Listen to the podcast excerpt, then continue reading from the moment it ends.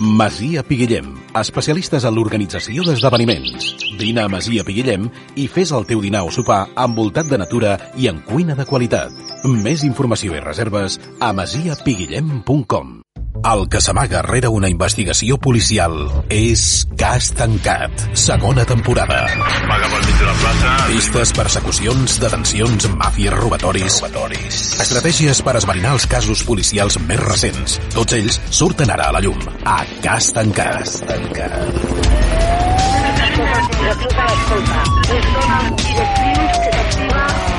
Cas Tancat. Un espai de Radiolot amb la col·laboració de l'àrea bàsica policial de la Garrotxa. Investigador Antoni Domènech. Soscap de l'àrea bàsica policial de la Garrotxa. Guió i direcció Neus Jacint. Locució Pere Verges i Neus Jacint. Muntatge tècnic Manel Sainz. Avui, a Cas Tancat, Cas al Segrest. Unitat Central de Delictes contra les Persones. Divisió d'Investigació Criminal. Barcelona. Agost del 2003. El sergent Domènech rep una trucada del seu cap. Els han avisat de la comissaria de la Bisbal d'Empordà per un cas delicat. Es tracta d'un possible segrest. Són temes especialment delicats, el que passa que llavors no teníem les unitats plenament formades per per poder agafar una unitat de segrestos com hi ha ara. Les altres unitats que hi havia a la divisió sí que eren ja mm, especialistes en administrativa, en patrimoni històric, en drogues, i eren diferents, però la nostra era contra les persones, que englobava moltíssima cosa. Sense una unitat específica per a aquest tipus de delictes, serà el sergent Domènech qui s'haurà d'encarregar del cas. I em va dir, Toni, tenim un segrest, vés cap allà, cap a la comissaria de la Bisbal, posa't en contacte amb ells i guies tot el procés de que sigui adequat i de que anem bé, d'acord? Jo, jo ho tenia clar, eh, trucava al Manolo, el, el meu company, Manel, que marxem cap a la comissaria de la Bisbal, escolta'm, et passaré a buscar a la sortida de... Ell vivia a la sortida de Barcelona de la Meridiana i llavors jo el passava a buscar sempre pel mateix lloc i ja tiràvem amunt. Comissaria dels Mossos d'Esquadra de la Bisbal. 7 del matí. El sergent Domènech i el caporal Manel Eraso arriben a la comissaria i després d'identificar-se demanen pel cap de la unitat d'investigació. Ell els explica que una família romanesa d'ètnia gitana ha denunciat el segrest de la seva filla. Que els hi diuen, miri, nosaltres vam anar fa, fa sis mesos a França amb unes eh, fires i tal i qual i ens vam trobar allà amb altres eh, romanesos i ens van segrestar la filla. La filla la van segrestar i ara ens han citat aquí, en aquesta població, per tal de demanar-nos diners per tornar-nos a la noia. Això ja tenia visos de ser tot un segrest, perquè, clar, demanen diners a canvi de tornar a la noia. La família, visiblement angoixada, està esperant a dos carrers de la comissaria dins la furgoneta amb la que han vingut. Són vuit o nou que van a dintre d'una furgoneta, tots van vestits completament de negre, amb mocadors... No sé si, si, si teniu present les imatges de les persones després de la guerra espanyola, que totes les dones i els homes anaven pràcticament vestits de negre, uns amb boina, les dones amb mocadors... Pues era aquella, és aquesta imatge. Un membre de l'equip està amb ells en tot moment per fer d'enllaç i suport mentre duri la investigació. No, jo no parlo amb els romanesos perquè allà ja tenen un home ells. I la veritat, jo de, de romanès ben poc. Aquesta és la veritat. Ells xapurrejaven una miqueta el castellà, però ja s'entenien amb aquell home que estava a la furgoneta amb ells. A més a més, eh, s'ha d'afegir que l'home que estava allà havia treballat amb mi a la meva unitat. Hi ha feeling amb, amb investigació, jo en coneixia més d'un dels xiquets que hi havia allà doncs, per haver-li donat classes a l'Acadèmia la, de Policia. Feta una composició inicial de la situació, és hora de planificar quins passos caldrà seguir a partir d'ara per poder resoldre el cas havíem allà habituats a, a, a segrestos, res de res. Tot el, el, l'intríngulis policial de costa pues són els problemes que hi ha a tota la costa catalana. Alguna violació per la nit, alguna agressió sexual, abús sexual, coses d'aquestes, a les discoteques en època estival. Després, calma total. La delinqüència de la zona, la que tenen normalment, però és una, una zona tranquil·la. Bueno, el segrest era el primer que tenien. Clar, els xiquets no sabien per on operar. Comissaria de la Bisbal. Sala de reunions. 8 del matí. El sergent Domènech es reuneix amb la resta de l'equip per posar les dades sobre la taula. La família assegura que fa sis mesos que els hi van segrestar la seva filla i que els segrestadors els han demanat diners per rescatar-la. El punt de trobada per fer el pagament serà un bar del centre de la Bisbal aquell mateix dia. Cal muntar l'operació partint de la informació que es té. Són hipòtesis que tu pots fer les que vulguis, m'entens? Que mai surten com han de sortir. Clar, tu pots dir, eh, porten a la noia o no porten a la noia. Eh, la porten amb un altre cotxe, la tenen amagada, la tenen o no ha vingut. I els hi estan prenent el pèl amb aquests. Perquè potser et diuen, no, no, si nosaltres a la noia no sabem res. Clar, hi han tantes hipòtesis que més val anar. És com, com, com un rompecabezas. Una peça, després una altra, després una altra i després una altra. Llavors és, és anar no, no fent salts de cavall a les cacs, el cavall pues, salta dos quadros i una a la dreta o una a l'esquerra d'acord? però t'has deixat dos, dos quadrícules al darrere amb investigació tens que anar passet a passet. Els segrestadors no saben que la policia està seguint el cas. Al lloc de trobada l'han marcat ells i han escollit un bar al mig de la Bisbal a plena llum del dia i a la vista de tothom. Fer una operació en un lloc públic té el seu risc, però els investigadors consideren que, en aquest cas, ho poden tirar endavant. No el pots fer si saps que et ve personal armat. Això no es pot fer.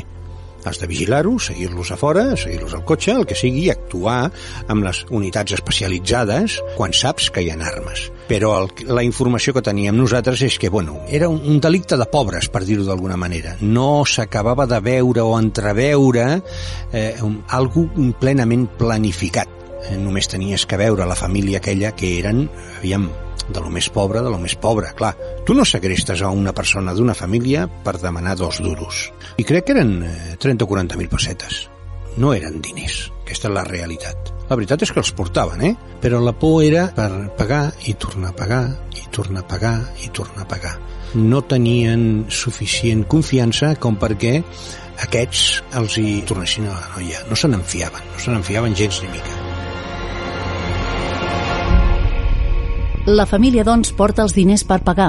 L'objectiu és, precisament, que ho facin i d'aquesta manera es pugui detenir in situ els segrestadors. I aviam, el que a nosaltres ens interessava era el, canvi de calés. Si hi ha un canvi, un intercanvi, ja s'ha efectuat el, el pagament per recuperar la noia. Ja tenim la imputació del delicte de segrest. Tenint en compte que la transacció s'ha de fer en un local públic, cal assegurar-se bé que es podran seguir els moviments dels sospitosos en tot moment. Sabíem que tenien el, uh, la trobada al bar i el que jo volia eh, treure'n allà, perquè clar, no podíem tenir el so de la taula i encara que el haguéssim tingut no ens hagués servit de res perquè parlaven en romanès la qual cosa jo vaig dir, jo vull visibilitzar, veure tots els moviments que fan els de la taula. Vull veure si hi ha una transacció de diners. A la que hi hagi una transacció de diners, s'actua i s'ha acabat. I ens anem tots cap a comissaria. A fores del bar, la Bisbal, dos quarts de nou del matí. Una part dels agents fan un reconeixement del lloc on s'han de trobar la família de la noia i els segrestadors. Sí que vam cribar tot el bar, evidentment, vam mirar els, el, eh, tot, el, tot el, el que envolta el bar, tots els cotxes els van passar per emissora, aviam quins hi havia, quins ens interessaven o quins no. No hi havia res, estava tot net, i era un bar ampli, amb tres o quatre portes d'entrada, es veia a dintre per tot arreu. O sigui, no era sospitós el bar. Un cop controlat l'establiment, comença l'operació. Els primers en arribar són els agents de paisà. Se situen en diferents punts estratègics per tenir coberts tots els angles possibles. Tres homes a dintre del bar. Si podia ser eh, dos dones i un home, doncs millor, separats i cadascú fent el seu tallat, el, llegint el diari... Bueno, el que es fa al matí amb un, amb un bareto d'aquests que vas allà i vas a, a fullejar el diari i a fer el teu tallat o el teu cafè amb llet. A fora del bar hi han tres efectius més de la unitat d'investigació que estan controlant l'entorn nosaltres estem a la comissaria de policia i anem rebent puntualment totes les, tot el que passa.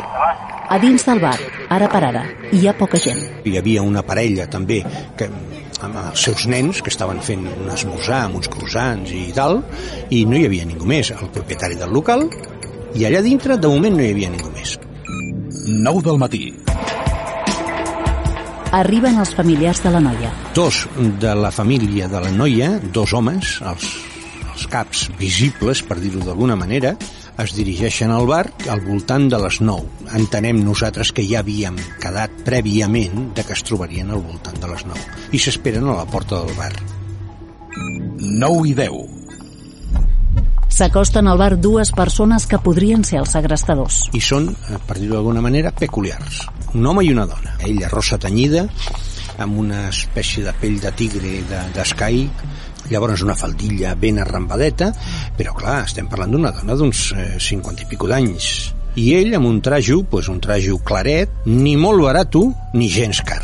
No sé si m'he explicat bé. Els agents estan pendents de qualsevol moviment sospitós. Saben que són ells per la reacció que tenen els familiars de la noia segrestada quan els veuen. tal com els van rebre, els rebien com, com, com d'una casta superior, eh? I anaven amb aire sobrats perquè, clar, s'estaven enfrontant amb la part més baixa de Romania i ells estaven per sobre.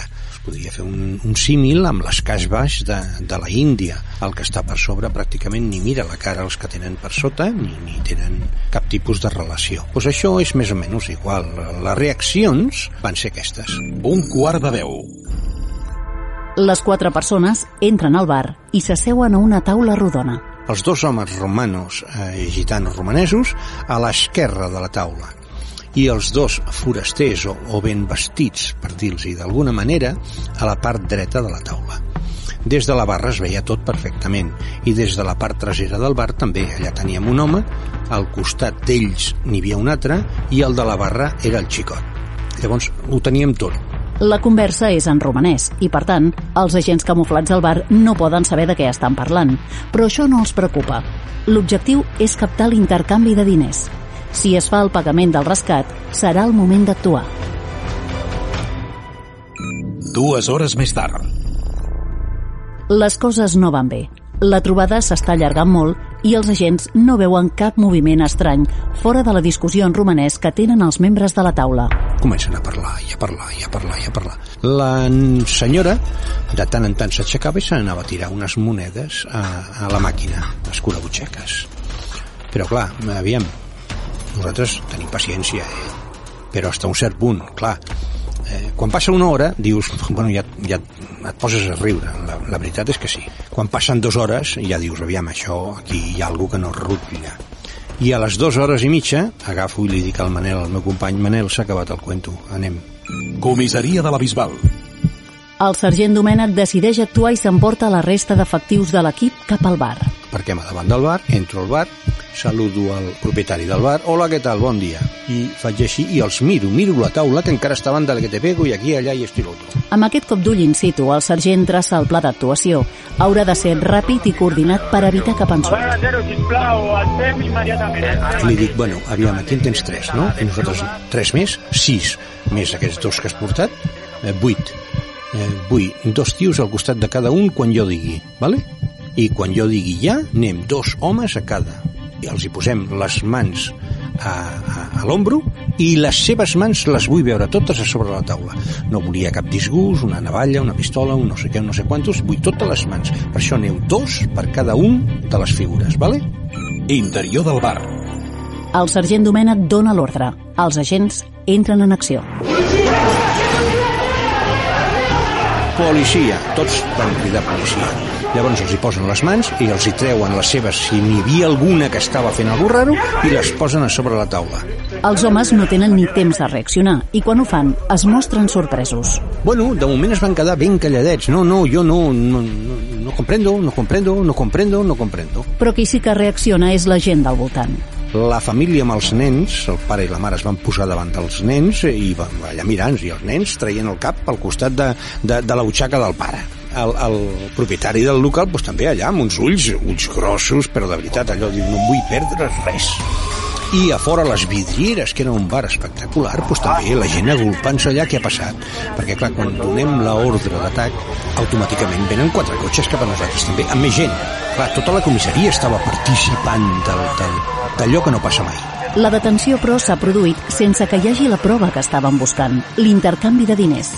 O sí, jo estava enfront, a darrere dels meus companys, però enfront dels dos gitanos romanesos. I un d'ells em fa així, amb els ulls, aixeca les, les celles, em fa com si em volgués dir alguna cosa, i es desfà de la mà que li tenien agafada i em fa un senyal cap a la butxaca de l'americana de l'altre home. Jo li veig, amb les mans li vaig fer, vale, ja ho he entès, tranquil, vale? Quan estaven tots aixecats, nois, eh, vigileu això, eh? Amb dos dits ha agafat tot el feix de bitllets que tenia aquell home a la butxaca. Evidentment, allà hi havia, eh, sembla que eren 40.000 pessetes, no, no, no recordo, però bueno, allà estaven. El sergent confisca els diners. No sap com han anat a parar la butxaca del segrestador, però ara ja el pot detenir. i no veiem l'intercanvi, això és el bo. Però l'intercanvi s'havia donat pràcticament al moment de la nostra entrada. Llavors, aviam, eh, jo sempre he dit que tota investigació necessita una miqueta de sort. El xic de sort és que ja va pagar. Llavors els altres no tenien res a fer. Comissaria de la Bisbal. Una del migdia. L'equip arriba a la comissaria amb les quatre persones que estaven al bar.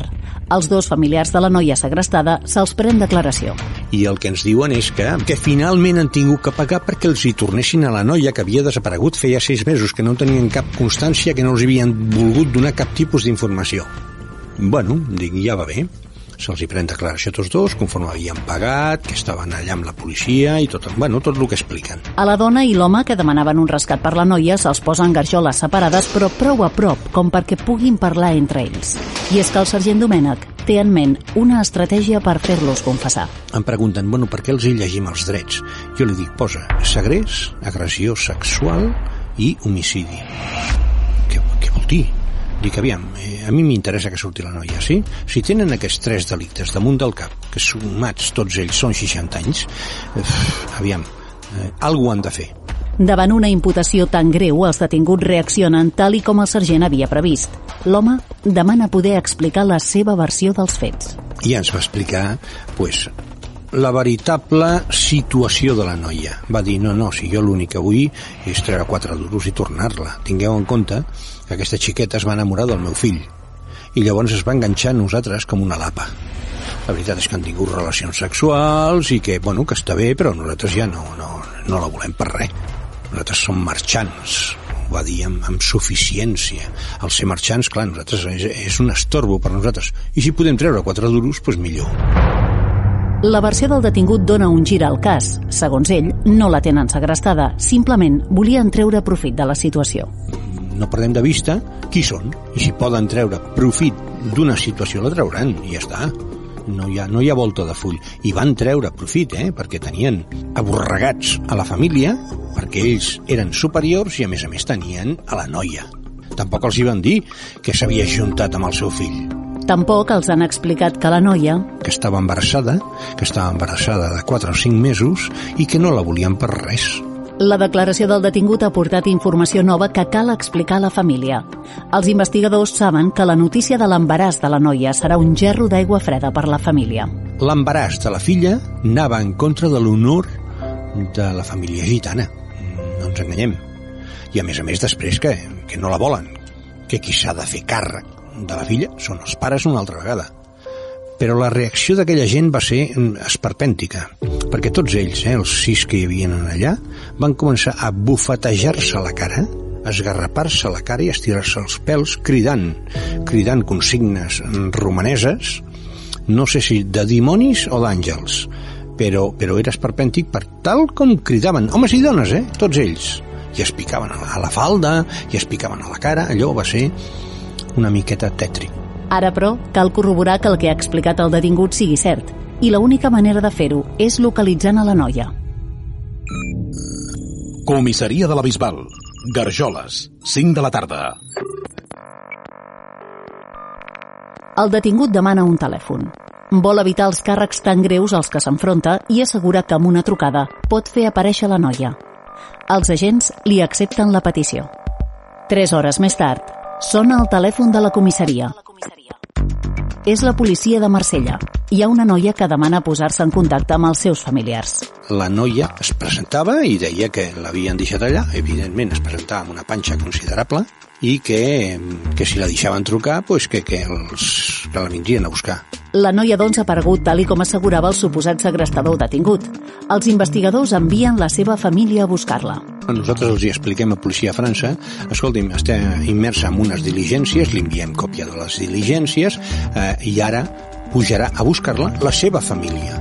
Clar, ells no poden dir que no a la seva família. Un cop arriba allà la seva família, eh, se'n van a la comissaria de policia, que la tenien en allà, es reconeixen, i la policia d'allà ho veu, s'identifiquen plenament, fan una diligència per informar el seu jutge. Quan la noia arriba amb la seva família a la comissaria de la Bisbal, els investigadors li prenen declaració. Ella va marxar voluntàriament, ella es va juntar amb aquest noi voluntàriament i després s'ha sentit repudiada. Les negociacions amb la seva família, ella no en sabia res. Van sortir del pare del seu company. Amb la noia apareguda, els diners del suposat rescat recuperats i la veritat descoberta, el cas es pot donar per tancat. Sap greu, eh? I costa. No hi ha paraules per definir una pobra noia que va amb, amb, amb la seva família amb una furgoneta, que la furgoneta fa molta pudor, que tots fan molta pudor, que són de la part més baixa de les classes socials, fa pena. Aquesta és la realitat, fa pena. I quan la veus dius que la misèria porta misèria. I si algú es vol escapar de la misèria, doncs no qüestiones el que aquesta noia ha fet. No t'ho pots ni permetre qüestionar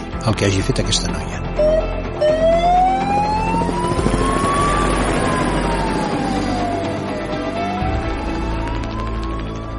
Cas tancat.